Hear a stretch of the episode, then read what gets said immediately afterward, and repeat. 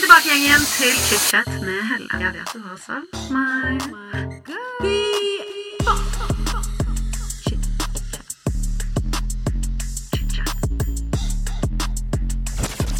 I dagens episode får jeg reality-deltaker og influenser Caroline Nitter inn i studio. Caroline er jo først og fremst kjent fra reality-programmet Ex on the Beach, men i dag får vi også høre om hennes oppvekst i Tromsø, hvordan det er å være eldst i en søskenflokk på fire, og om familiedynamikken hjemme hos henne. I dagens episode blir det mye snakk om Onlyfans, operasjoner, reality-drama og stalker, så just be aware. Uansett, jeg tror du kommer til å kose deg masse, og det er ikke noe annet å si enn velkommen tilbake til chit-chat. Ok, ok, ok. Karoline Nitter, velkommen til chit-chat. Takk. Veldig spent. Jeg er så glad for at du kunne komme hit i dag, fordi du skal jo på ferie straks. Og jeg er så glad for at du hadde tid til å komme hit før du skulle på ferie. Det har vært eh, en helt bombardert uke. Jeg er jo veldig sånn Jeg liker jo helt jeg liker å gjøre så mye ting på en gang. Jeg kunne sikkert allerede en veldig jobb. Hvis jeg skal én ting på en dag, så blir jeg sånn Å, herregud. I morgen klokka tre skal jeg noe. Og det blir stress. Men hvis jeg da skal tre ting på en dag, da blir det, da blir det mye for meg. Det blir stor omveltning fra å ligge på sofaen, liksom. Jeg kan jo se det litt, men du, inni dette her så får du jo til helt syke bra treningsrutiner, da, virker det som. Så treningen, den går som normalt. Ja, men det, det er liksom det, det gjør man uten å tenke. Alle de tingene der. Det er som å sove, som å spise. Sånn er det å trene òg. Ja, sånn, eh, sånn skulle jeg ønske det var for meg òg. Ja. Det er ikke helt så, kommer ikke så naturlig. Litt hard den dørstokkmila noen ganger. ja, men det er sånn med, med rutiner. Når du får de inn, så er det der veldig, veldig easy. Ja, det er en smooth. Hvor er det, Skal du reise med Christian, kjæresten din, på ferie? Ja. Hvor skal dere? Først um, så må jeg besøke besteforeldrene mine. De har jeg ikke sett siden før eh, korona. Oi. Åh, jeg er så glad i de. Gleder du deg? Ja, og de bor, de bor ikke i Norge. Eh, så jeg føler liksom at åh, Og de har fått hvitt hår, og de er 85 år. Og min største skrekk er å miste de. Ja, men det skjønner jeg. Og det gjør meg trist. Jeg ligger våken om netten og tenker på det, faktisk. Du, det kan jeg også gjøre. Jeg kan tenke veldig hardt på at jeg skal miste en person som jeg er veldig glad i, og så kan jeg begynne å gråte bare fordi jeg er så redd for for at det skal skje. Ja. Vil du høre hvor psycho jeg er? Jeg er sånn som kan planlegge talen jeg skal ha i begravelsen til søsteren min, for Det var akkurat det jeg skulle si.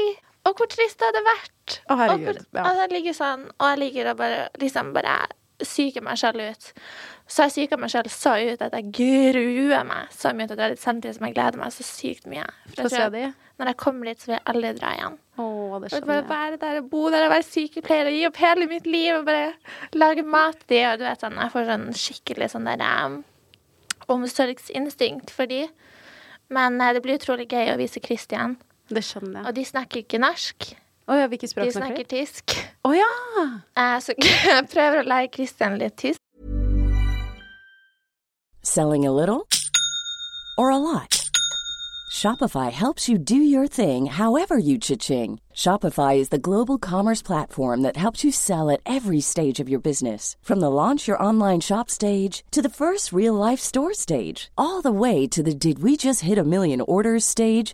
Shopify is there to help you grow. Shopify helps you turn browsers into buyers with the internet's best converting checkout. 36% better on average compared to other leading commerce platforms because businesses that grow grow with Shopify. Get a $1 per month trial period at shopify.com/work. shopify.com/work. If you're struggling to lose weight, you've probably heard about weight loss medications like Wigovi or Zepbound, and you might be wondering if they're right for you. Meet PlushCare, a leading telehealth provider with doctors who are there for you day and night to partner with you in your weight loss journey. If you qualify, they can safely prescribe you medication from the comfort of your own home. To get started, visit plushcare.com slash weight loss. That's plushcare.com slash weight loss. plushcare.com slash weight loss. Denne episoden er sponset av Hello Fresh. Og for dere som har hørt på Chichat før, dere vet at jeg elsker Hello Fresh, for dette er et fantastisk matkassekonsept som treffer meg midt i blinken. Og for de av dere som ikke vet hva Hello Fresh er, som har gått glipp av det, dessverre, nå skal dere få en full introduksjon, for dette her er altså matkasser som gjør at nordmenn over hele landet får bedre tid i hverdagen, får sunne, næringsrike middager, og det går kjapt og enkelt. Du får altså alle ingrediensene levert på døren i ferdigporsjonerte ingrediensposer. Altså det er musikk i mine ører, i hvert fall. Her trengs det minimalt med effort for å lage middag og for å få en fantastisk smakfull middag. Og spesielt nå som det er vår, dere, så får vi de crispy grønnsakene. Vi får alt vi er keen på nå som solen stikker frem, og det gjør meg lykkelig. For jeg er jo en av de som hater å stå og stampe i køen på matbutikken etter jobb. Så for min del, etter jeg begynte med Low Fresh og sånn matleveringskasse, så bare åh, Jeg får altså send inni meg av å ikke tenke på hva jeg måtte lage til middag. Og det som jeg synes er digg da med Hello Fresh, er at du kan velge mellom 25 nye digge retter hver eneste uke. Og du kan skreddersy akkurat sånn som du selv vil. Så hvis du også vil teste ut Hello Fresh, så vil jeg anbefale deg å gå inn på nettsiden hellofresh.no og bruke koden FreshChat, altså som Hello Fresh møter chitchat. Så det er FreshChat i samme ord. Da får du opptil 1779 kroner rabatt på de første seks matkassene dine hvis du ikke har prøvd Hello Fresh enda. Du får i tillegg også gratis frakt på den første matposen. En liten ekstra ting er at Hvis du har vært kunde før og stoppet abonnementet ditt i tolv måneder, eller mer, så kan du også gå inn på HelloFresh og bruke rabattkoden min. Og det er ingen bindingstid, og du velger selvfølgelig selv leveringstidspunkt. Så gå inn og sjekk ut HelloFresh. Bruk koden FreshChat. Og få en lettere hverdag. Altså, det bare gjør ting enklere. Du får smakfulle middager for hele familien. Skreddersydde som du selv vil. Og bare bruk mindre tid i kø på butikken. Jeg lover deg, det er, det er veldig deilig. Sjekk ut HelloFresh og bruk koden FreshChat. Men snakker du flytende tysk? Ja. Herregud, dette er så spennende. Vi må jo da bare med en gang hoppe tilbake til barndommen din. For da får jeg sikkert lært alt i sånn kronologisk rekkefølge. Så som de fleste også hører, du er jo fra Tromsø. Det er Og em, kan ikke du fortelle oss litt om oppveksten din og familien din når du vokste opp i Tromsø? Hva skal man si? Utrolig heldig med familien min. Altså, selv om mamma og pappa de, de jobba ganske mye fordi de var begge leger. Eh, det samme var morfaren min og onklene mine, og alt liksom var veldig sånn Vi var på skolen, eh, vi kom hjem, og da var det liksom sånn overlevelse, eh, TV, alt var liksom nice. Og så kom de hjem, og så var det familiemiddag, og det gikk liksom på repeat. Eh, og siden det er så mørkt og kaldt i Tromsø, så dro vi jo på veldig mye fine ferier. Det er liksom et must. Du kan ikke bo i Tromsø uten å dra på en måneds ferie, i hvert fall på vinteren. For å få litt varme og sol For å få varme og sol og sånn, for å ikke liksom få noe, noe mangelsykdommer eller noe sånt. Men er, med tanke på at du nevnte at en besteforeldrene dine snakker tysk, er en av foreldrene dine eller foreldrene dine tyske? Ja, så pappa kom fra til Norge eh, fordi at han eh, ville stå på ski. De er veldig glad i å gå på randonee. Altså sånn oppover med sånne der feller og liksom all that jazz. Som jeg har blitt tvunget med på veldig mye Liker du det? før. altså Ja. Så jeg liker det. Hvis det er liksom i Alpene, og det er en restaurant nært med Aperol, sånn at du kan seile ned, ha på deg noe fresh, sette ned, drikke litt, bli litt mer tipsy jo lenger ned du kommer, det er game. Det er norsk sånn afterski-kultur de luxe, bare i Alpene. Bare i Alpene. Yes. Og, og liksom, jeg syns norsk, norsk afterski versus Alpene er litt harry. Så Men man kan gjøre det fab. Man kan gjøre det Jeg gidder ikke å stå og hoppe i Hemsedal som, der, som en gærning. Det gidder jeg ikke. Da blir Nei. jeg bare sliten. Du er ferdig? Ferdig med Ja, det? er så ferdig med det. men, eh, men det blir jo afterski, og det blir det. Men nei, over til, over, til, eh, over til det. Så han kom og møtte mamma. Og de valgte jo da å bosette seg da. For mamma studerte jo medisin i, i, eh, i Tromsø, på, på UiT. Og ble forelska i pappa, som hadde nettopp kommet fra Thailand og padla kajakk. Og var tan og høy. og Han var skikkelig kjekkas. Han var en kjekkas. Han var Det tror jeg på. han var en skikkelig, skikkelig mann. Så um, han ble forelska i henne med det lange, lyse håret. Uh, og, så, og så ble det i Tromsø. Til min store fortvilelse. Til din store fortvilelse. Altså, det Tromsø var det var, veldig, det var greit å gå på skolen. Jeg var ganske rebell når jeg var liten. Jeg er liksom litt som familiens eh, Jeg er den eldste. Og den som på en måte testa absolutt alle grenser, som røyka ut fra vinduet. Røyken kom inn i liksom rommet mitt fordi vinden blåste innover, og pappa går på toalettet på natten og kommer og bare Hva i helvete? Liksom. Og freaker ut. Og liksom ting som det sniker meg ut. Finner liksom alle mine metoder og liksom De eldre guttene var jo mye kjekkere enn guttene på skolen. De hadde jo leppene, de hentet oss, kjørte oss rundt om meg. Vi holdt jo på som noen gærninger, ikke sant? Jeg var gal. Så jeg har gjort utrolig mye ramp i Tromsø. Men du sa du er eldst av har du, Hvor mange søsken har du? Tre småsøsken. Du, du er eldst av fire? Ja. Oi, OK. Og de har, eh, de har blitt suksessfullt eh, formet til sånne drømmebarn.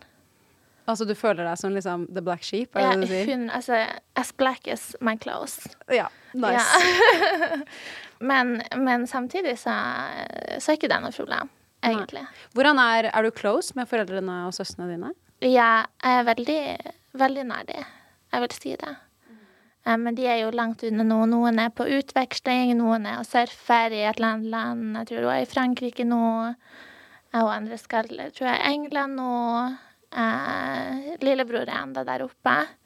Eh, men faren min fikk jo kreft i 2016. Eh, og da mm, ble ting veldig annerledes for meg. For jeg var veldig pappajente. Og, og han døde bare ni måneder etterpå. eh, Etter at han fikk diagnosen. Da hadde vi nettopp faktisk vært på skiferie. Han hadde litt vondt i et kne.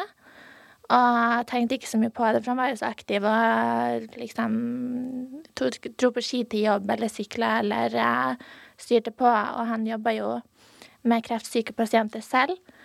Og da glemmer du ofte litt kanskje din egen helse. Eh, så så eh, han ble borte bare ni måneder etterpå. Og da følte jeg at nå er livet mitt seriøst over. Ja, så, så etter det fikk jeg en krise. Eller det gikk fint et år, for da var jeg sånn fornektelse. Sånn her, «Åh, Det eneste jeg skal gjøre nå, er å få gode karakterer på skolen og bare liksom eh, bli akkurat den personen som kanskje faren min ville at jeg skulle bli. Men det var jo langt ifra det som sk skulle til for at jeg ble lykkelig, så jeg ble jo så deprimert til slutt at jeg måtte jo bare rømme til Bali, rett og slett. Ja. Fikk du noe hjelp sånn terapimessig, eller ble jeg liksom Bali terapien din? Jo, jeg fikk, jeg fikk hjelp terapimessig, og jeg elsker jo å gå i terapi. Eh, men jeg syns på en måte at det er vanskelig å finne en god terapeut. eh, Det er helt enig. Det er sykt vanskelig. Det er utrolig vanskelig, og, og, um, og kanskje ikke en sånn terapeut som bare sitter og sier ja, uff, nei, det skjønner jeg. Men at kanskje noen som, som er altså litt mer sånn kognitiv terapi, der de kan si eh, Gi deg litt sånn eh, løsninger. Ideer til eh, hva kan du prøve ut, da?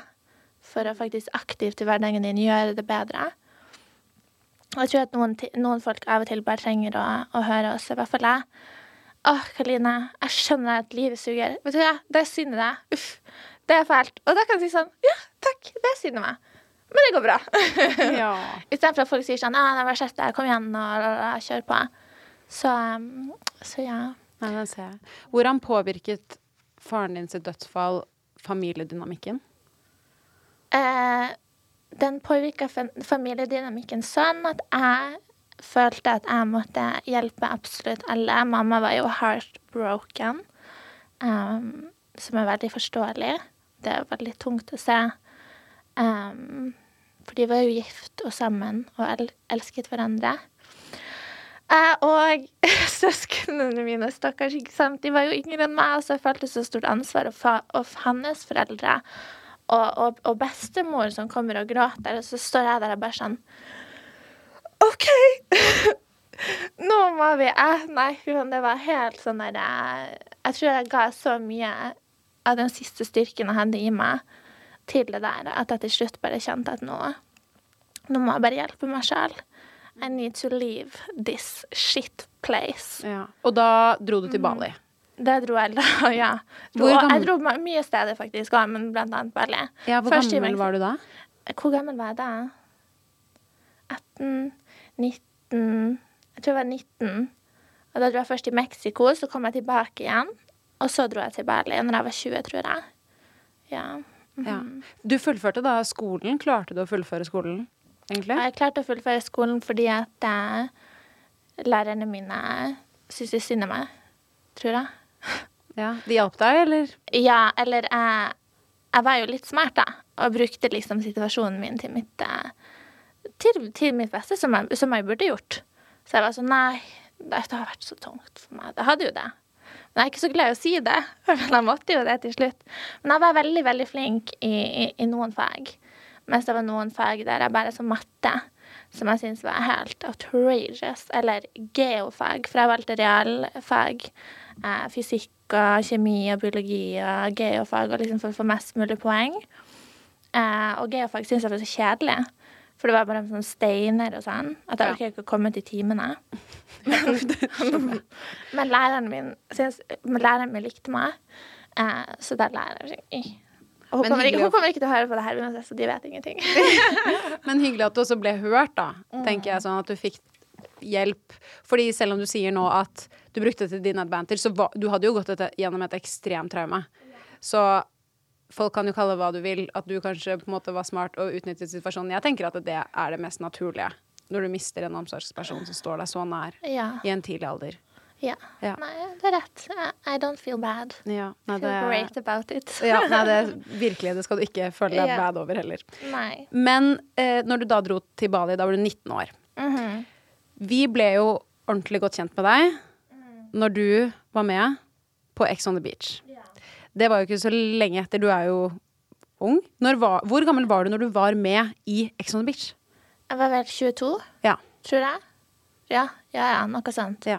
Det var jo i, eh, i korona. Og um, Var innspillingen under korona? Ja. Å, det visste jeg ikke. Mhm. Det er derfor jeg var så glad for å få være med. Fordi det hadde jo sittet, hadde, De hadde spurt meg et år tidligere om å være med på den der En sånn sesong tre. Og da sa jeg det til mamma, at jeg vurderte det. Og så begynte hun å gråte. For hun syntes det var så jævlig. Ja, hun syntes det var helt forferdelig. Ja. Hun begynte å gråte. Mamma syntes det var helt forferdelig. Og, jeg kunne ikke funnet på å la meg utnytte på den måten. Og, det var jo bare helt hva faen? Ikke sant? Da sa jeg nei, men jeg drar dit, eller så må du liksom sponse meg med noen billetter til. Sant? Så det var sånn litt sånn pressure. Ok, Så sånn, Så mamma nå- betalte mamma halvparten av ferien min som jeg dro på istedenfor å dra dit. Eh, og så fikk vi også en litt sånn familiekrise som, eh, som gjorde at det egentlig ble eh, litt bedre å bli. Men eh, ja. Men du endte jo opp med å dra. Ja. Ja. Ett år senere. Å ja. Eller to. ok. Ja. Sesong fire. Ja. Um, Hva var det som fikk deg til å ville være med på konseptet Ex on the Beach? Eh, jeg hadde jo egentlig aldri sett så mye på det før. Det var jo egentlig at de hadde spurt meg. Altså hadde det liksom i bakhod, sånn langt sånn i bakhodet fra før. Og så hadde jeg eh, Fikk jeg meg kjæreste da jeg var på Sri Lanka. Han var fra Australia. Og sånn surfer. Og jeg var så forelska. Og liksom Å, vi skulle flytte sammen. Vi skulle bo i Sydney. Vi skulle bare Jeg skulle gjøre yoga, og han skulle surfe. Og liksom Det skjønner jeg bare sånn helt ute greier. Men altså Det var en bra plan. Da virka det som. Og så ble det covid. Oh, ja. Og så, og så satt vi der nede på Sri Lanka, og liksom nyhetene bare 'Å, det er så ille.' Og jeg bare 'Nei, det blåser over. Det her går fint.' Og begynte mamma å ringe meg bare 'Utenriksdepartementet anbefaler alle til å komme hjem nå.' Jeg bare 'Mamma, slutt å mase. I'm in love'. I'm in love, liksom. Og Australia er jo en øy, og de hadde så strenge koronaregler at de var nedstengt i to år. ja, de var jo mye strengere enn oss til tider òg. Ja. Følte jeg sånn mye tidligere også. Ja, de fikk ikke komme inn i sitt eget land engang. Så til slutt så måtte vi jo bare krype til korset og stikke derifra. Eller jeg stakk en liten tur innom Bali, for de var ikke Bare for å liksom få one last hurra, så stakk jeg faktisk hjem. Og Ja. det var liksom alle fly, flyene mine ble avbestilt, for det kom færre og færre fly inn til øya, så det var færre og færre fly som gikk ut. Så billettene bare ble dyrere og dyrere. oh, ja, og flyavgangene ble færre og færre. Og bare herregud, for en angst å bare sitte og refreshe siden, og så bare ser du at det er bare sånn mindre og ja, mindre fly. Liksom. cancel, Ja. cancel, cancel. Um, Men dro du med. alene til Norge da, eller Ja. ble han med? Nei. Nei, han dro til Han får jo ikke lov til å være med. Nei, Han har jo visum og alt det der. Og covid og um, Så vi prøvde avstandsforhold. Men det ble jeg så lei av til slutt. Fordi tidsforskjellen er sånn, Da ringte han meg klokka på morgenen når det var kveld hos han og skulle begynne å fortelle om dagen sin. Jeg var sånn Fy faen, jeg hørte det klokka er syv på morgenen. Liksom. Jeg klarer ikke å høre på det her et sekund til. Og så måtte jeg si til han, jeg tror kanskje sånn etter en måned eller noe med avstandsforhold, det funker faktisk ikke. Stakkars. Han sender meg av og til sånn eh, Han holdt på en stund, og så- altså liksom Stakkars. Um, Nei, avstandsforhold er vanskelig. Ja, han ble lei seg. Ja, det skjønner jeg. Han er veldig, veldig, veldig over det nå. Det er jo lenge siden nå. Men derfor så plutselig spør de meg Ja, Karoline. Vi tenker å kjøre en sesong. I sol og varme. Jeg bare åh, OK. Men det er jo korona. Men det går fint. Eh, og så, sa de senere at nei, det blir ikke varmen allikevel. Det blir eh, afterski. Jeg bare Afterski? Hvorfor det? Hva skal vi gjøre der? Skal vi liksom Jeg tenkte bare Det blir jo ikke gøy. Jeg var skikkelig skuffa, for jeg ville jo gå i bikini. Men eh, Men så tenkte jeg bare sånn Ja, egentlig chill. Da kan jeg bare hoppe rundt i moonboots, store kåpa mi, og bare ha på meg shades og bare drikke meg kanakas og liksom bare sånn. Jeg tenkte bare Vet du hva, jeg klarer ikke å leve mer i den her nedstengte, grusomme virkeligheten min. Så jeg løy til mamma og sa at jeg skulle på um, hyttetur. Og det skulle jeg jo. Ja, med Men- full kameracrew. Ja, bare hytteturen var med kameracrew.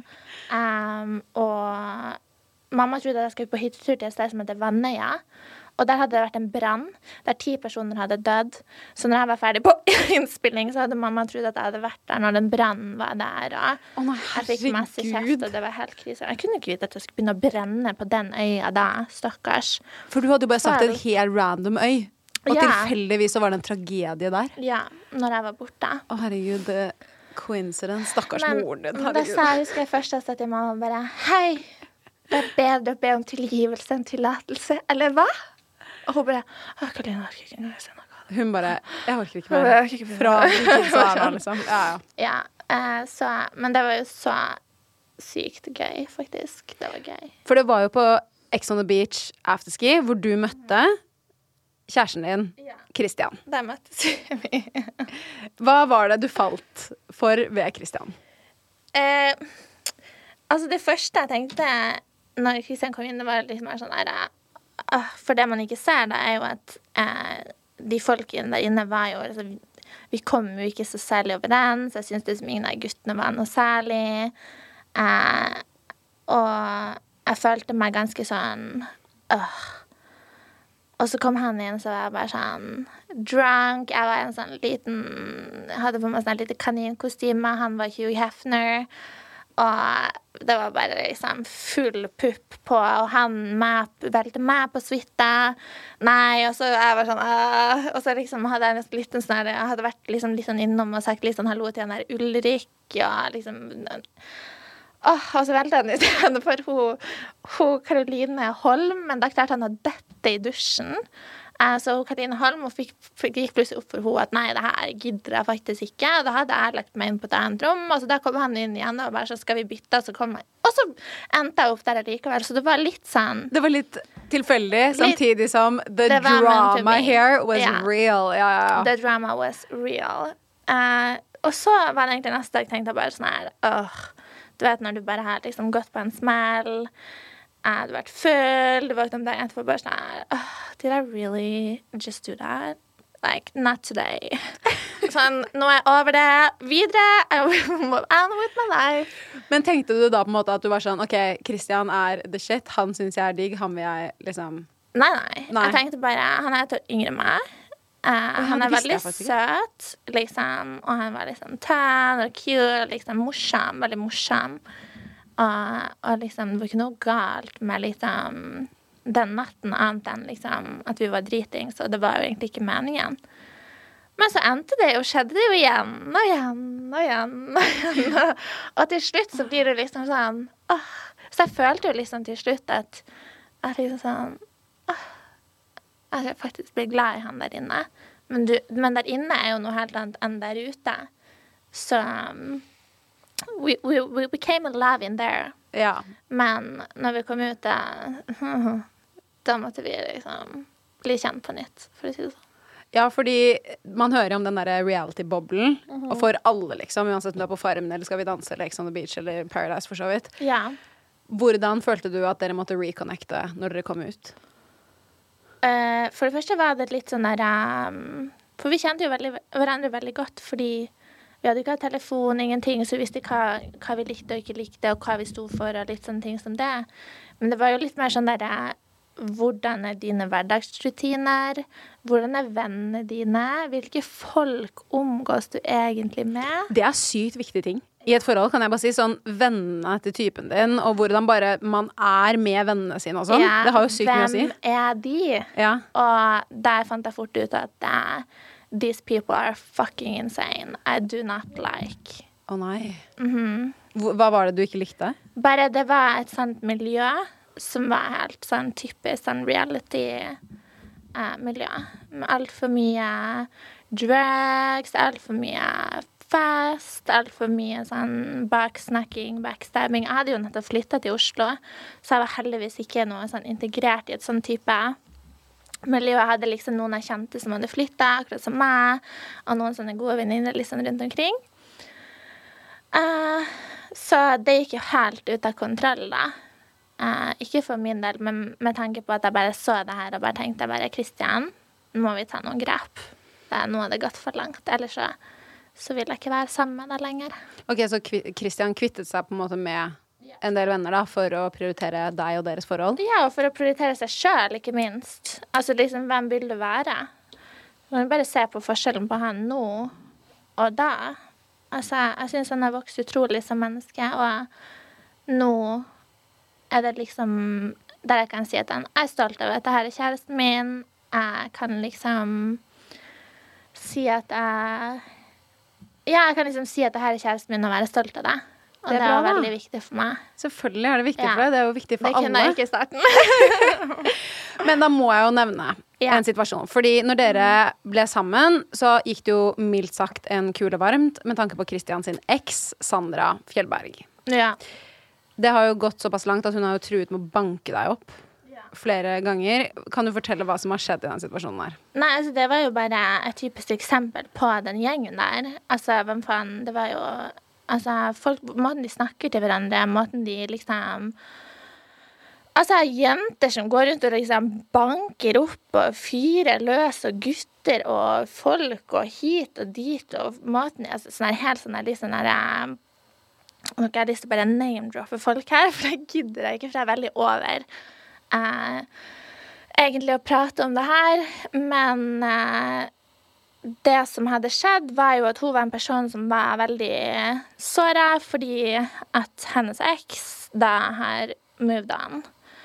Eh, og um, syntes jo det var kjempe, kjempelurt å på en måte begynne å få det til å se ut som at jeg var hennes beste venn, eh, som hadde backstabba henne og tatt han for å få sympati.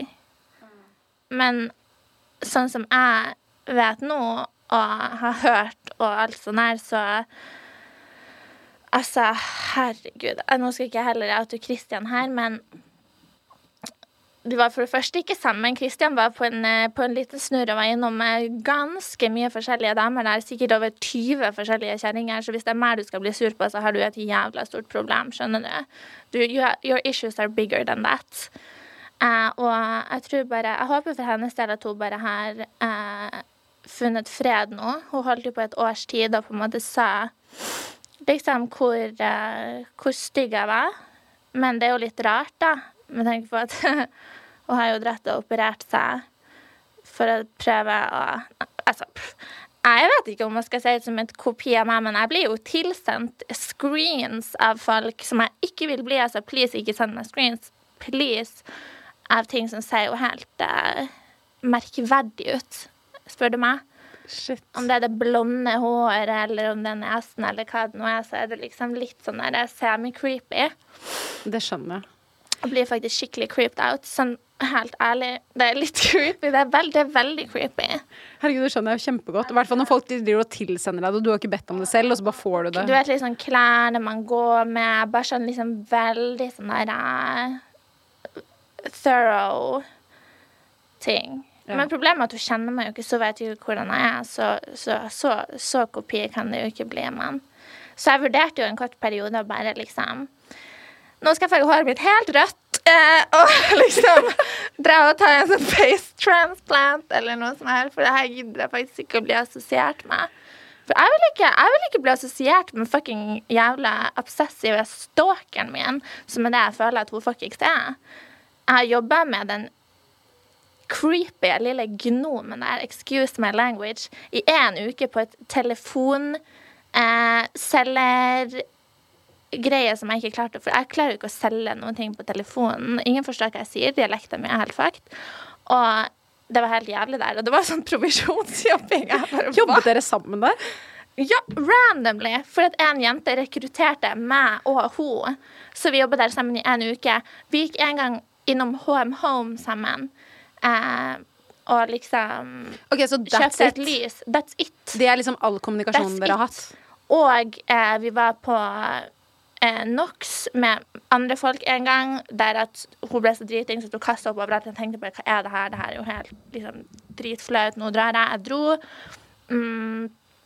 Og noe annet er at eh, hun begynte å ringe meg fordi det gikk rykter om at jeg skulle være med på den sesongen. Og jeg visste ikke hvem andre skulle få være med, men hun Jasmin, en som heter Jasmin, tror jeg hadde sagt uh, at jeg skulle være med. Noen hadde funnet ut av det. Jeg vet ikke, De finner ut av det så fort. Uh, og da begynte hun å ringe meg. Oi, så hun Fordi hun hun visste så, at Kristian skulle være med. Sant? Åh. Og Ok, hun, så hun hadde har- hatt rykter om ja. det. Så hun hadde en plan i sitt lille hode om at nå skal hun ringe meg. For det var sikkert meg hun var mest stressa for det. Hun hadde sikkert vært litt synsk og sett for seg hva som skal skje. Så begynner hun å ringe meg. Hun har fått nummeret mitt og begynner å ringe meg. Hva skal de pakke? Jeg bare Jeg Vet ikke, hva mener du? Ja, det de skal være på ekse. Bare ja, eh, liksom. OK. Tenker ikke så mye over det. Eh, og så sa hun noe til meg som var eh, Jeg husker det veldig godt. Og sa Ja, fy faen. Du må bare banke alle de jævla horene som prøver seg på Christian, ass. Med den stemmen sin. Oi. Jeg bare ok. ha-ha-ha. Ok, så du merket allerede der Fordi At det var litt sånn psycho-vibes. Og så tenkte jeg ikke mer over det, og så gikk jeg inn der. Live my life. Fucked him. He's my boyfriend now, and I'm happy, and fuck you. Period. Amen. Ja. Men eh, jeg tenker sånn med tanke på at hun har sagt at hun skal komme og banke deg opp flere ganger. Det er jo trusler. Har du anmeldt henne til politiet? Ja, jeg snakka med advokat. og jeg har eh, gjort alle de greiene der, og jeg snakka med politiet, og, og det var ganske ille en periode. Eh, og så bestemte jeg meg sånn for at jeg kanskje bare skal avvente og se. Blir det noe verre enn det her, så har jeg i hvert fall en advokat. Jeg har sagt ifra til politiet.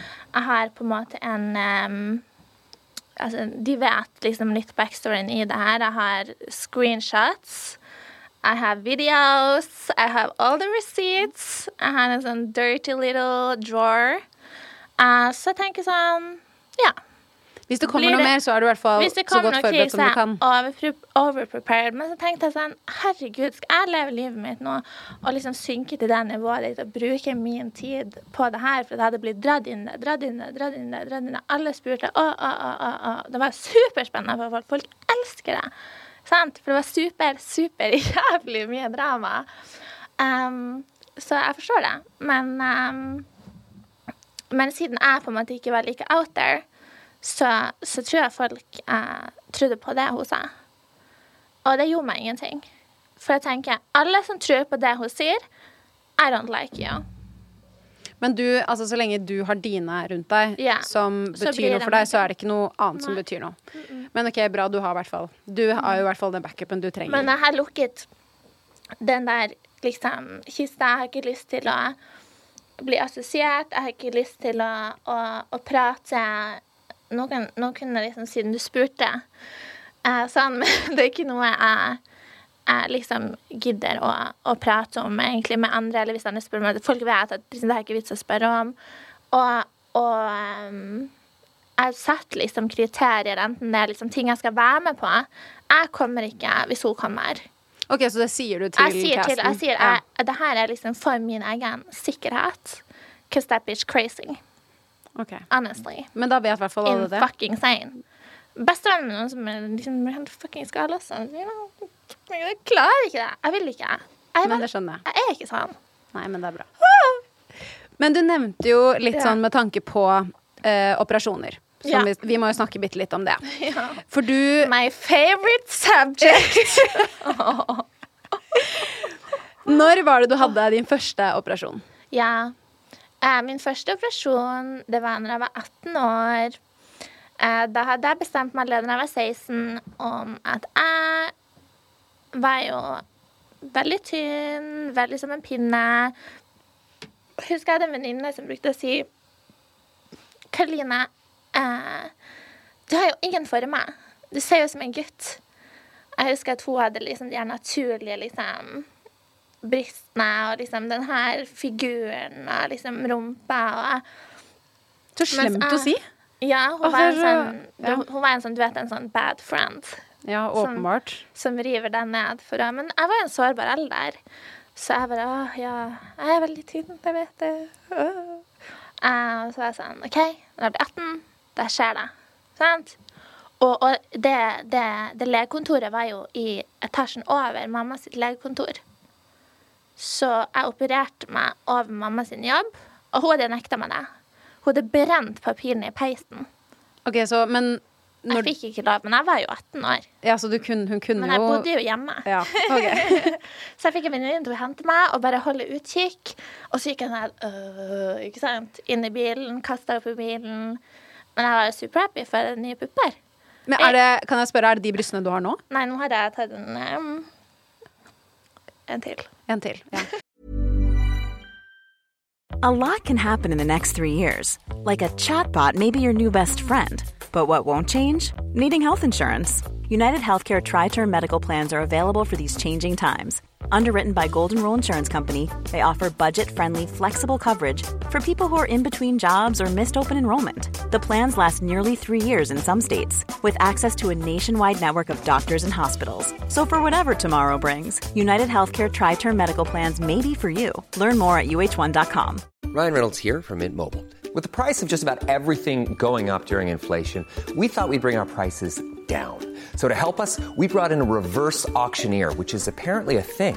Mint Mobile unlimited premium wireless. Ready to get 30, 30, bit to get 30, bit to get 20, 20, 20, bit to get 20, 20, bit to get 15, 15, 15, 15 just 15 bucks a month. So, Give it a try at mintmobile.com slash switch. $45 upfront for three months plus taxes and fees. Promo rate for new customers for limited time. Unlimited more than 40 gigabytes per month. Slows. Full terms at mintmobile.com. A lot can happen in three years, like a chatbot may be your new best friend. But what won't change? Needing health insurance. United Healthcare Tri Term Medical Plans, underwritten by Golden Rule Insurance Company, offer flexible, budget friendly coverage that lasts nearly three years in some states. Learn more at uh1.com. Du, jeg, må- fordi jeg må spørre, jeg har gjort mine også. Og eh, jeg visste ikke det at når jeg skulle operere brystene, at eh, man mister ofte mye følelser i brystene. Jeg syns det var helt sjukt. Det visste jeg ikke før. Det var kanskje veldig naivt av meg å, gjøre, å ikke gjøre den researchen. Eh, men jeg visste ikke det, fordi sånn på det ene stedet av mitt bryst så kan jeg, har jeg ikke noen følelser. Nei, eller sånn på den undersiden av det ene. Har du opplevd det samme? jeg Jeg må bare kjenne litt her nå. Ja. Nei, vet du hva, de her brystene mine er superfølelser. Nei, kanskje litt sånn derre Det er bare i underkant sånn på den den høyre for min del. Litt rar følelse her, kanskje. Men niplene mine er supersensitive. Ok, Men der er du heldig. For der mistet jeg liksom sensitivitet. Men det er i hvert fall da bare sånn alle som Så det er en sykt negativ ting for min del, i hvert fall. Som ikke jeg visste fra før av. Og, og, men også en annen ting er jo det at liksom mine usikkerheter da var jo liksom på en måte Nå har jeg jo committa til det.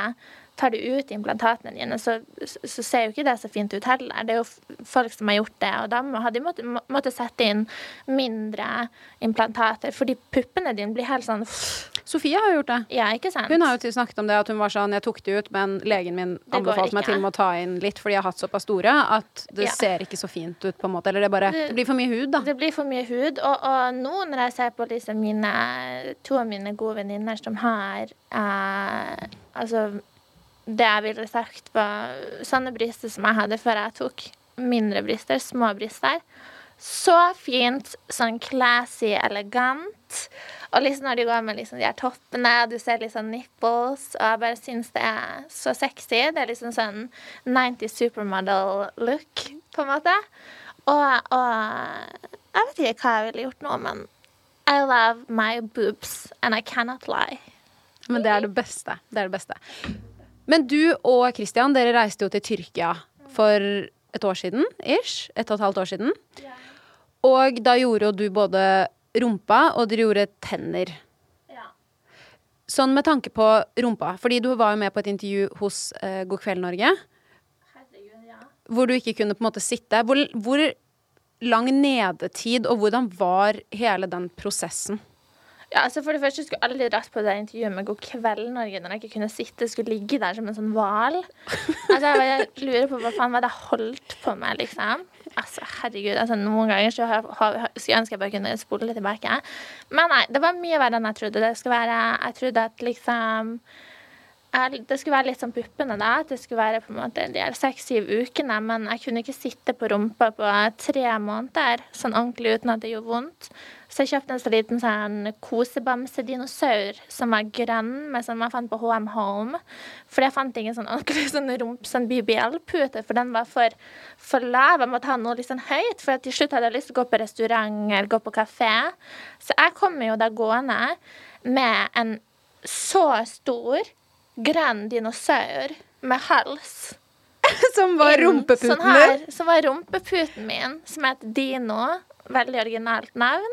Og Freaking satte epic. meg på den med den nyopererte rumpa mi og gikk liksom sånn her. Og oh, jeg tenker bare nå at bare liksom Det skjedde faktisk. Det skjedde faktisk. Det skjedde faktisk. Hvis du hadde visst hvor lang nedetid det var, hadde du operert rumpa igjen? Nei, jeg hadde kanskje ikke gjort det. Jeg hadde kanskje gjort noe litt på en litt, kanskje på en litt annen måte. Uten på en måte implantater og, og kanskje ikke så mye på Ja Jeg hadde nok gjort det, men kanskje ikke, ikke så Ikke sånn som jeg gjorde. Kanskje det som var minst downtime på. Eh, fordi BBL er jo det farligste du kan gjøre. Ja, det er jo en kjempefarlig procedure. Og for de som ikke vet det, så er jo en BBL hvor du Jeg tror ikke folk forstår Ja. Hvordan det er, og hvor ekkelt det er i ettertid, og de blodrennene du har på deg, og, og også det at jeg er jo en tynn person fra før, så hvis jeg legger på meg litt, som jeg prøvde å gjøre, og spiste liksom alt fra liksom mitt favorittgodteri, og liksom moste i meg alt fra sånne tyrkiske kaker, og liksom bare alt som kunne gjøre meg liksom, å, ha litt mer fett, så gikk jo det bort med en gang jeg begynte å hyle igjen. Sant? Ja. Så først var rumpa mi sann. Nå er den sann. OK, så ja. Så det er han. OK. For what?! Fordi det er bare fett da som er sprøytet inn. Fordi det er jo da fettsuging Ja, på hele kroppen som fett størrelsen, størrelsen på fettcellene dine, ja. den Selv om du legger på deg, så er jo de fortsatt små.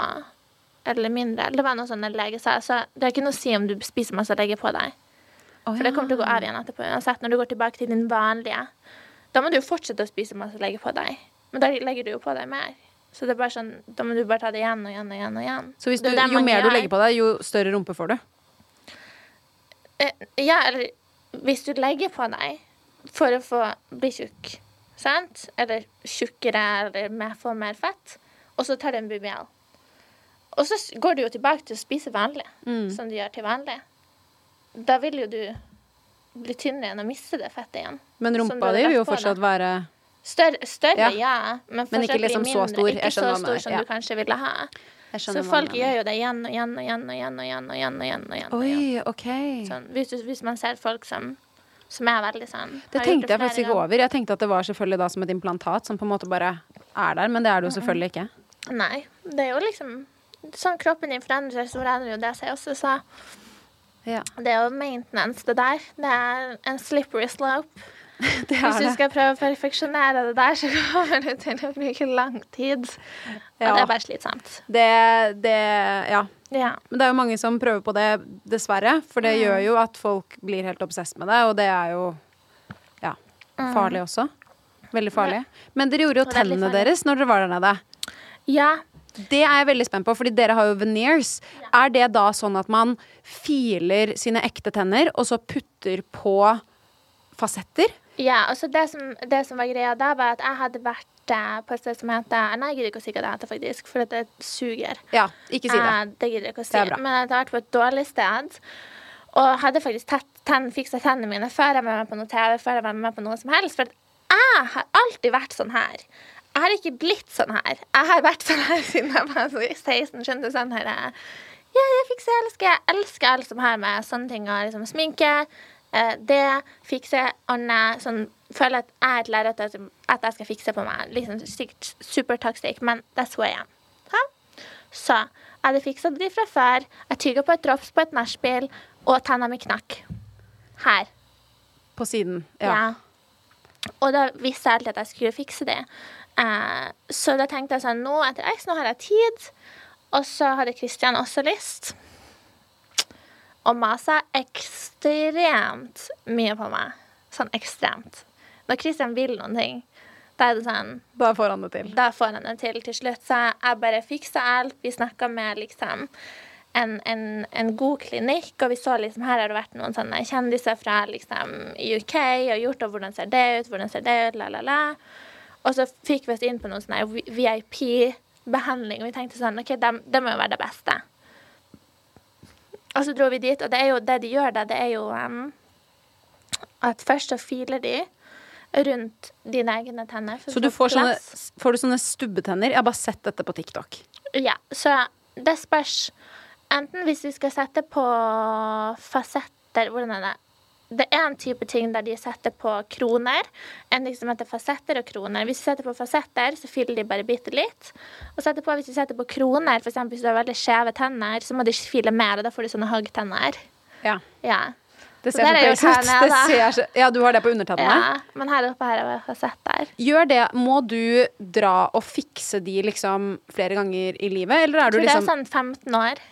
Ok, så hvert 15 år så må du dra og fikse det. Ja. Kan du fikse det i Norge da, eller må du liksom tilbake til Tyrkia? Nei, norske tannleger liker ikke dette. Nei, det Men jeg tror det kommer til å komme til Norge også.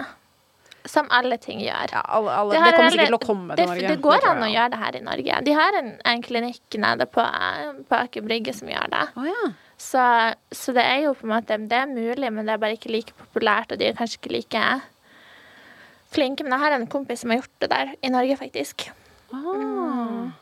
Og det er jo ekstremt vanlig. Sånn, fikse tenner og sånne veneers og sånn, det er jo det du ser nesten alle skuespillere og kjendiser har gjort. De, al- altså, det er jo masse masse folk som har tiss på tennene sine. I Ja. hvert fall i kjendisverden. Ja, ja, ja. Så, men jeg tror det bare var liksom litt sånn sjokk når det plutselig begynte å boome opp, liksom, i at noen influensere gjorde det, eller reality-deltakere, egentlig. Det er jo de som gjorde det. Det var ikke liksom de typ, den typiske joviale influenseren. Det var jo litt mer de her eh, skandaløse reality-deltakerne som gjør så mye dumt.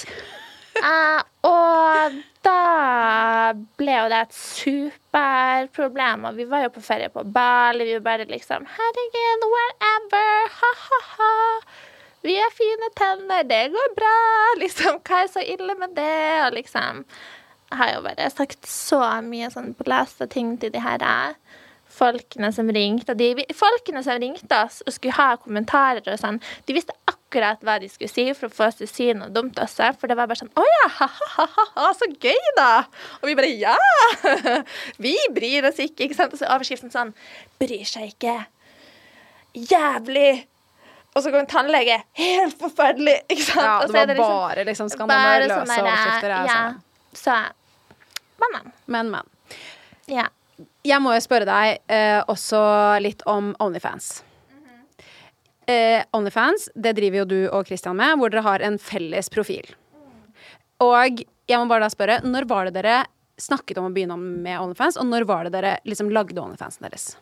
Mm, jeg hadde jo hørt om OnlyFans når det starta, egentlig. Um, og tenkte at herregud. Those people have no dignity whatsoever. Ikke sant? Jeg tenkte bare herregud, tenk å Sorry. Tenk å gjøre noe sånt. Eh, og Nei, jeg tenkte bare det her liksom, Jeg kunne ikke vurdert det engang. Men som, som livet skjer, så fører det ene til det andre, og vi sitter på eh, på et hotellrom, for vi måtte være på karantenehotell i ti dager, i Jakarta, som er en helt sånn tåkete by i Indonesia, bare på rommet. Vi hadde nettopp hatt matforgiftning. Vi visste ikke hva skal vi gjøre nå. Vi lager OnlyFans. Ja, Yes. vi lager OnlyFans. Fordi hva kan vi gjøre på hotellet om seks dager? Nei, vi kan gå rundt nakne, vi kan koses, vi kan ha sex. Vi prøver. Vi ser. Ja da. Vi tar bare litt bilder i undertøyet. Det blir jo ikke noe big deal, sant? For det ble jo veldig sånn. Det var jo ikke sånn Ja, for det startet jo liksom soft. uskyldig Og jeg syns det er sånn rimelig uskyldig enda. Ja, fordi det var det jeg sier. Nå er jo dere Jeg har jo abonnert på kanalen deres. Og sett, uh, sett liksom the juiciness, det må jeg si.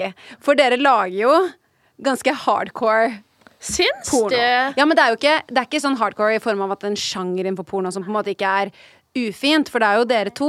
Men det er jo, det er jo porno. Altså Christian sa til meg her om dagen at han hadde blitt sammen med pornologen sin fra når han var 16. aka me. Jeg dør. Blonde big titties. Yes. Ja. Så nei, altså Jeg syns jo alt sånn med porno og sex og kropp er jo bare liksom så menneskelig. Og Jeg syns også det. Altså, jeg har virkelig Jeg er sånn eh, Jeg snakket med en venninne av meg som også driver med OnlyFans, og ja. det jeg likte med det hun sa, var bare sånn Jeg eier min seksualitet. Jeg poster akkurat det jeg vil. Ja. det er ingen som eier meg. Eh, jeg får mesteparten av disse pengene fra det jeg legger ut. Jeg redigerer det sånn som jeg vil. Og det er på mine premisser. Du kan betale for å se på det, og du kan chatte med meg. Og det er hun sånn Jeg tar i hvert fall makten selv, da. Ja. Var det hun følte. Jeg synes, jeg har litt sånn rar logikk på det. Og det her er sikkert veldig dumt å si, fordi det høres jo Jeg har liksom ikke opp, lyst til å oppfordre noen til å Folk må skjønne én ting. Jeg har ikke tenkt å studere noen ting. Jeg har ikke tenkt å ha en seriøs jobb. Jeg har ikke tenkt å gjøre noen ting der det kommer til å være et problem at noen har sett meg naken. Ever. Sant? Så hvem er det som hører på det her, ikke gjør det hvis du har tenkt det.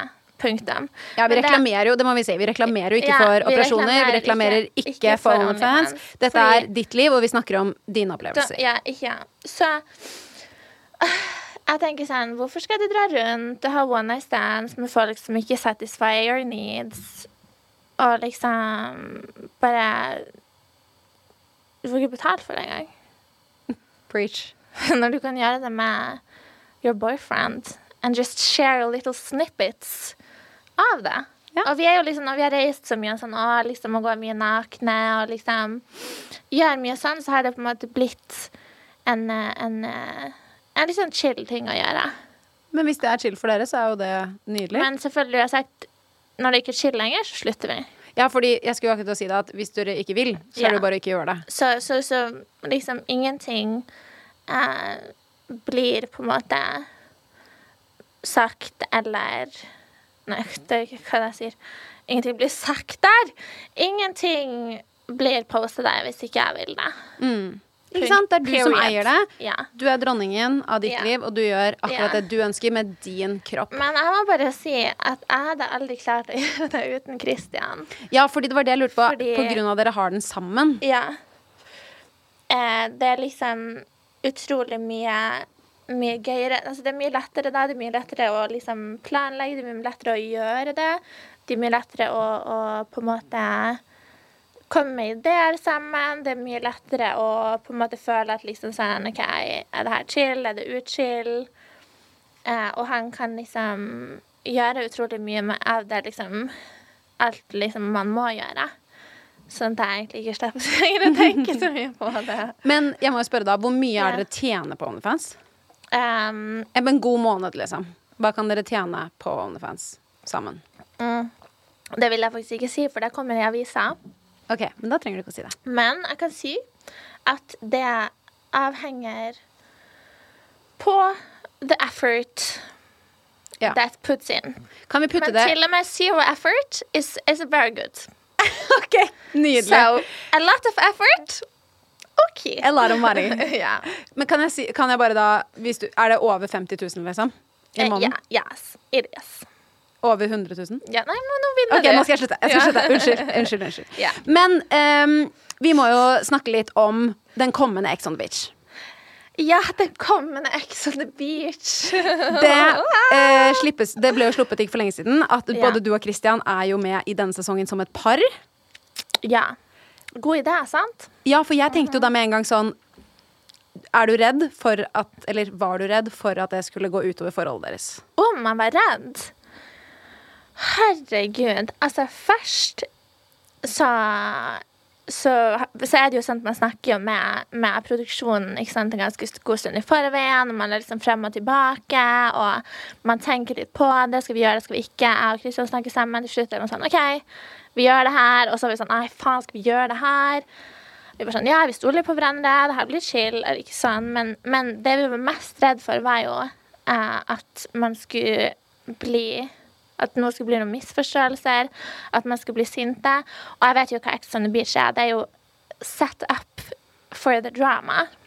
Ikke sant? Eh, så når vi var på ventehotell der nede, det var egentlig da jeg begynte å freake ut. For jeg tenker ikke så mye over ting før jeg gjør det. Men når jeg ikke hadde telefonen min, ikke hadde noen distraksjoner og bare gikk rundt der, og sånn, så ble jeg ble mer og mer sur på Christian på forhånd. Så jeg bare åh. Hva var grunnen til at du gruet deg fordi at du tenkte at han potensielt skulle være utro? Nei, det var egentlig mer at jeg tenkte på at alle de andre kom til å ville gjøre meg sur. Å ja, At de liksom skulle gange opp mot deg og Og prøve å Ja. liksom, du vet liksom, lage en situasjon som du Ja. ikke ønsket å stå i? Ja. Ja, Og Det det, skjedde jeg. jo. ja det skjedde? Ja. Oh. Derfor er jeg så sur når jeg er der inne. Um, så Men vi hadde jo veldig fin prat før vi dro inn. Og, og jeg føler jo det har gjort forholdet vårt sterkere. Selv om vi syntes det var forferdelig slitsomt. Eh, og eh, vi sier at det er en alternativ form for parterapi, men vi vil ikke anbefale noen å gjøre det. Ja, det er litt av en parterapi, ass, det jeg må og jeg si. Kristian har jo vært gjennom mye allerede, så jeg tror det er det som gjorde at det gikk fint. Men er du et par som ikke har vært gjennom mye fra før, så er det sånn Det er alt fra liksom sånn derre Hvordan man fungerer i en gruppedynamikk, sånn derre eh, Sånne ting som skjedde off-cam, da, som at liksom Christian ikke var like søt som han er hjemme til meg. Sånn. Oh, ja. Karoline, hent meg eggerøre. Hvorfor tok du så lite eggerøre til meg? Jeg bare sånn ikke sånn til meg! Ikke sant? For jeg vant til at det er sånn Herregud, jeg bare vær så snill, ikke sant? Mens bare alle de andre guttene der skulle tøffe deg litt, sant?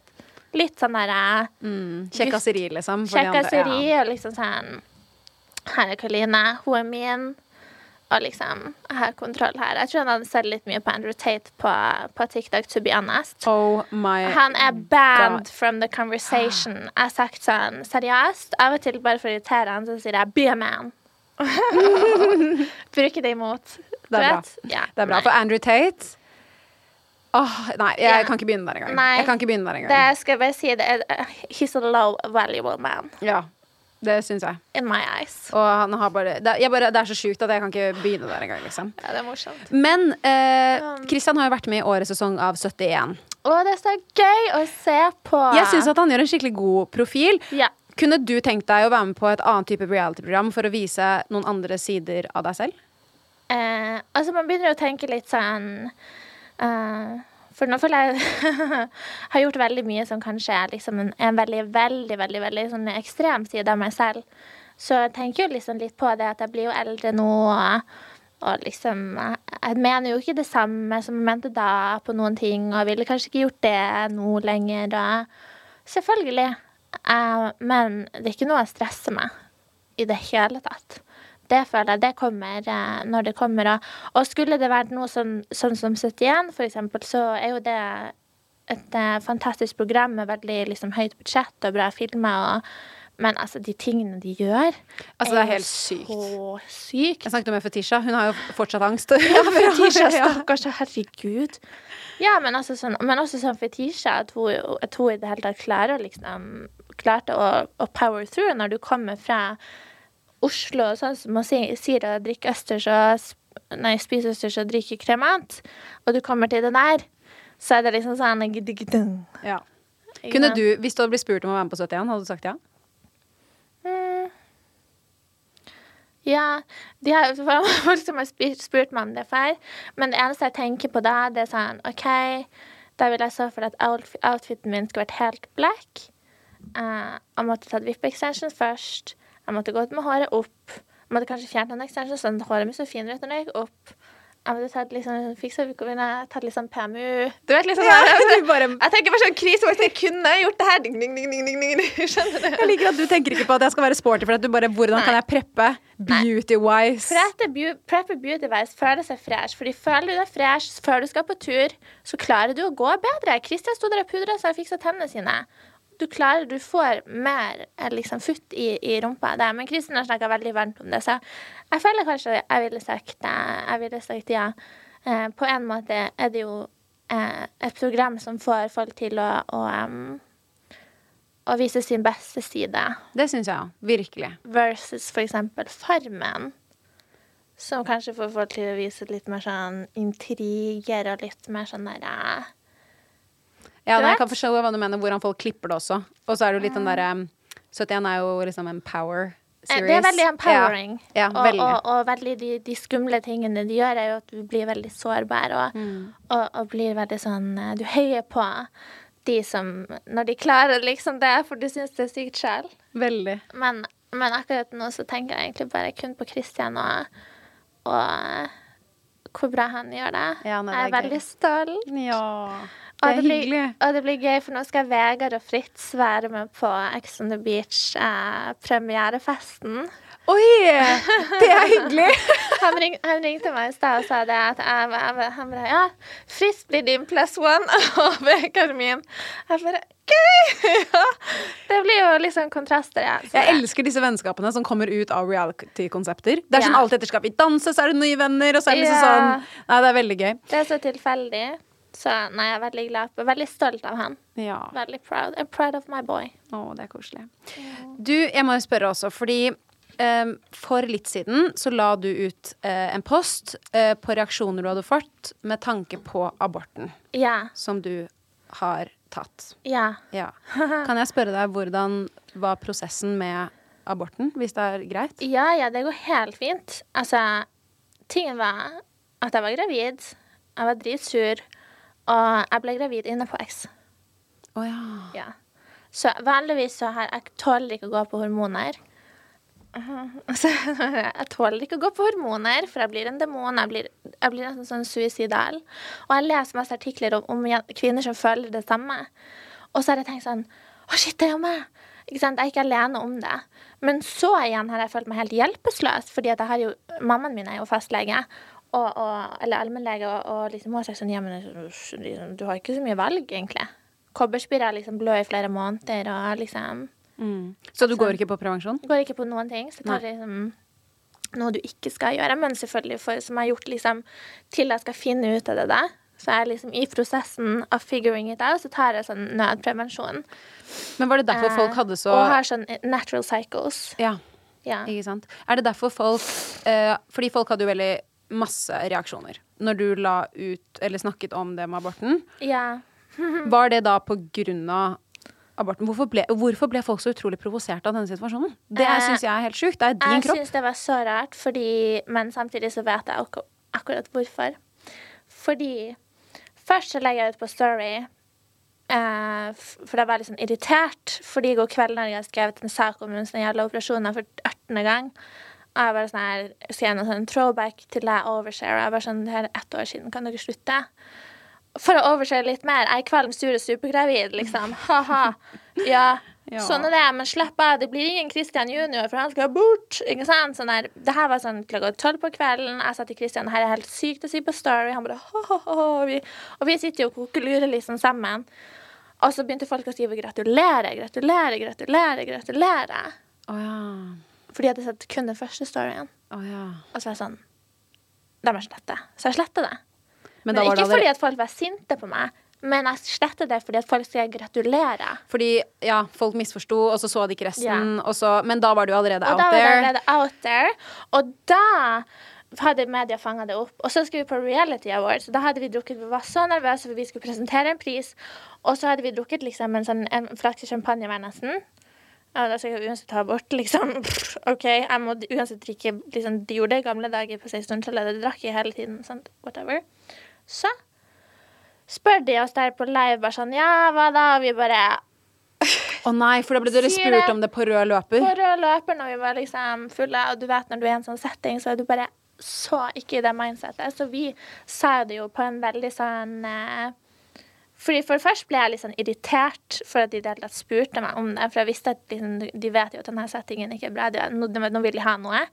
Så sa jeg det på en litt sånn her eh, Litt sånn passiv-aggressiv, hyggelig måte. Litt sånn hey, whatever.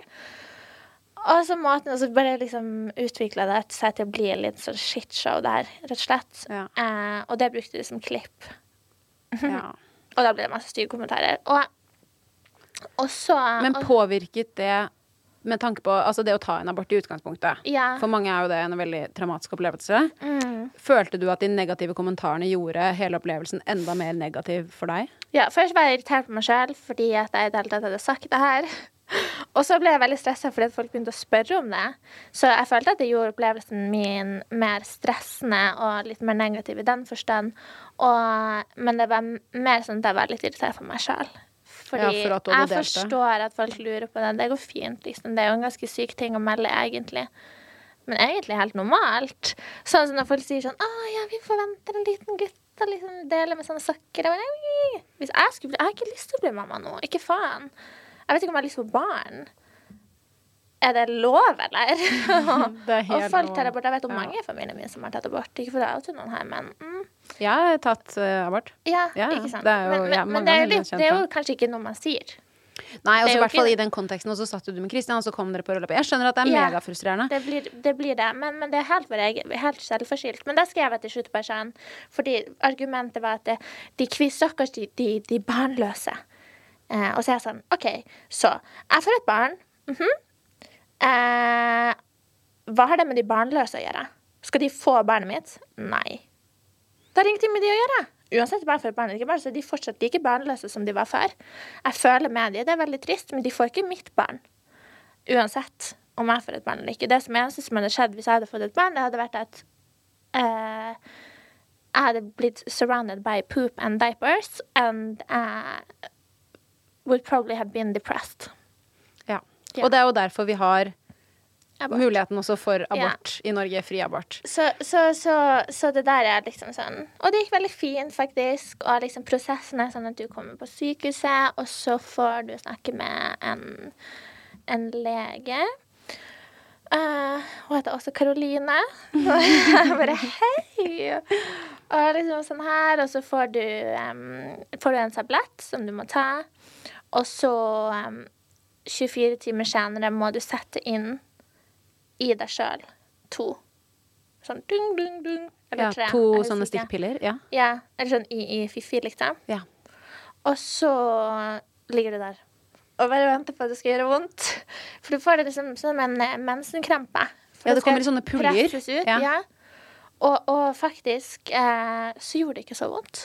Ja, men så bra, da. Så jeg følte meg jeg liksom hadde superflaks. Jeg lå på Vampire Diary sånn her. Og liksom bare, jeg var så redd for at jeg skulle, jeg skulle få supervondt. Jeg sa til Kristian bare må du være helt stille i leiligheten?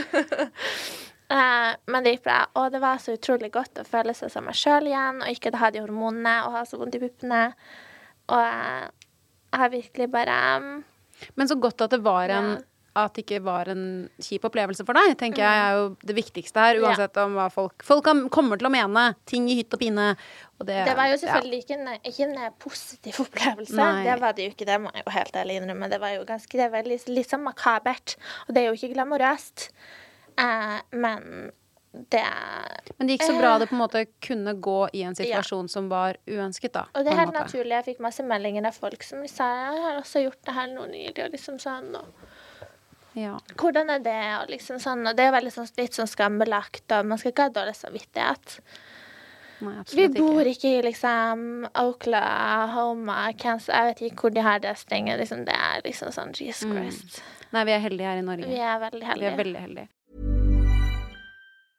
Step onto the legendary clay courts of Roland Garros, where the world's best players battle it out at the French Open for a chance to win a Grand Slam title. Tennis Channel Plus is your place to watch. Stream every court from your phone or smart TV live in HD. See the action unfold as legends fight for glory and new rivalries emerge. Daily live coverage begins Monday, May 20th, with match replays on demand so you never miss a moment. From the first serve to the final point, Roland Garros promises unforgettable moments and new chapters in tennis history. Stream now with Tennis Channel Plus to be there when it happens. Hi, this is Paige from Giggly Squad, and I want to talk to you about Splash Refresher and my water intake. Okay, so you guys obviously know that I'm a hydrated girly, but sometimes when you drink that much water, it starts to just taste bland, and you're just like, I need something to spice it up. That's why I love Splash Refresher. It has zero sugar, zero calories, and it's a splash of sweetness. And they come in five different flavors. They're so good. Wild berry, acai grape, pineapple mango, lemon, and mandarin orange. My favorite is the wild berry because I just I just love a berry. So if you're like me and you're drinking water all day, then try Splash Refresher. It's going to absolutely change your water game and it's good for you. Imagine the softest sheets you've ever felt. Now imagine them getting even softer over time. That's what you'll feel with Bowl and Branch's organic cotton sheets. In a recent customer survey, 96% replied that Bowl and Branch sheets get softer with every wash. Start getting your best night's sleep in these sheets that get softer and softer for years to come. Try their sheets with a 30-night guarantee. Plus, get 15% off your first order at bowlandbranch.com. Code BUTTERY. Exclusions apply. See site for details. Men du Karoline, avslutningsmessig så må jeg spørre deg om det spørsmålet jeg spør alle om. Ja. Og det er hva er det sykeste ryktet du har hørt om deg selv? Eh, det sykeste ryktet jeg har hørt om meg selv um, uh, Det er egentlig veldig mye. Sykt. Du kan, du kan bare eh, drøsse på, holdt jeg på å si, hvis du har flere. Ja, det er ikke alt som har med liksom sånn type det drama som vi snakket om tidligere, syns jeg er sykt. Alt som har med sånne ting jeg har, liksom har gjort. Eh, alt egentlig som har vært rykter om meg, har vært sykt. For alt er feil. feil. For ingen som kjenner meg ordentlig, som vet hva jeg driver med, Men sier er liksom det- Det sykeste kanskje er at jeg var, jeg var transe. Ok. Ja. Det var et rykte en stund. Og det Ja. husker jeg at jeg så det. Men tenk deg sånn, takk. Fordi en av de peneste menneskene i hele Norge er transe. Yes! Ellingsen. Frikken preach, Så jeg ass. bare sånn Thank you. Men Is altså, that what you mean? jeg bare ler fordi jeg bare dør. Jeg får høre så mye rykter av folk som har vært gjester. Jeg bare ler nå fordi Men folk altså, er så sjuke. De finner på så jeg- mye lættis bare for å spre ting. Ja, men jeg har ikke jodel. Jeg bryr meg ikke. Si Vi må ikke ha jodel. Det går ikke. Si Ja. hva faen du vil. Skriv, skriv om meg. Please, gjør det. Please, skriv noe stygt om meg i dag.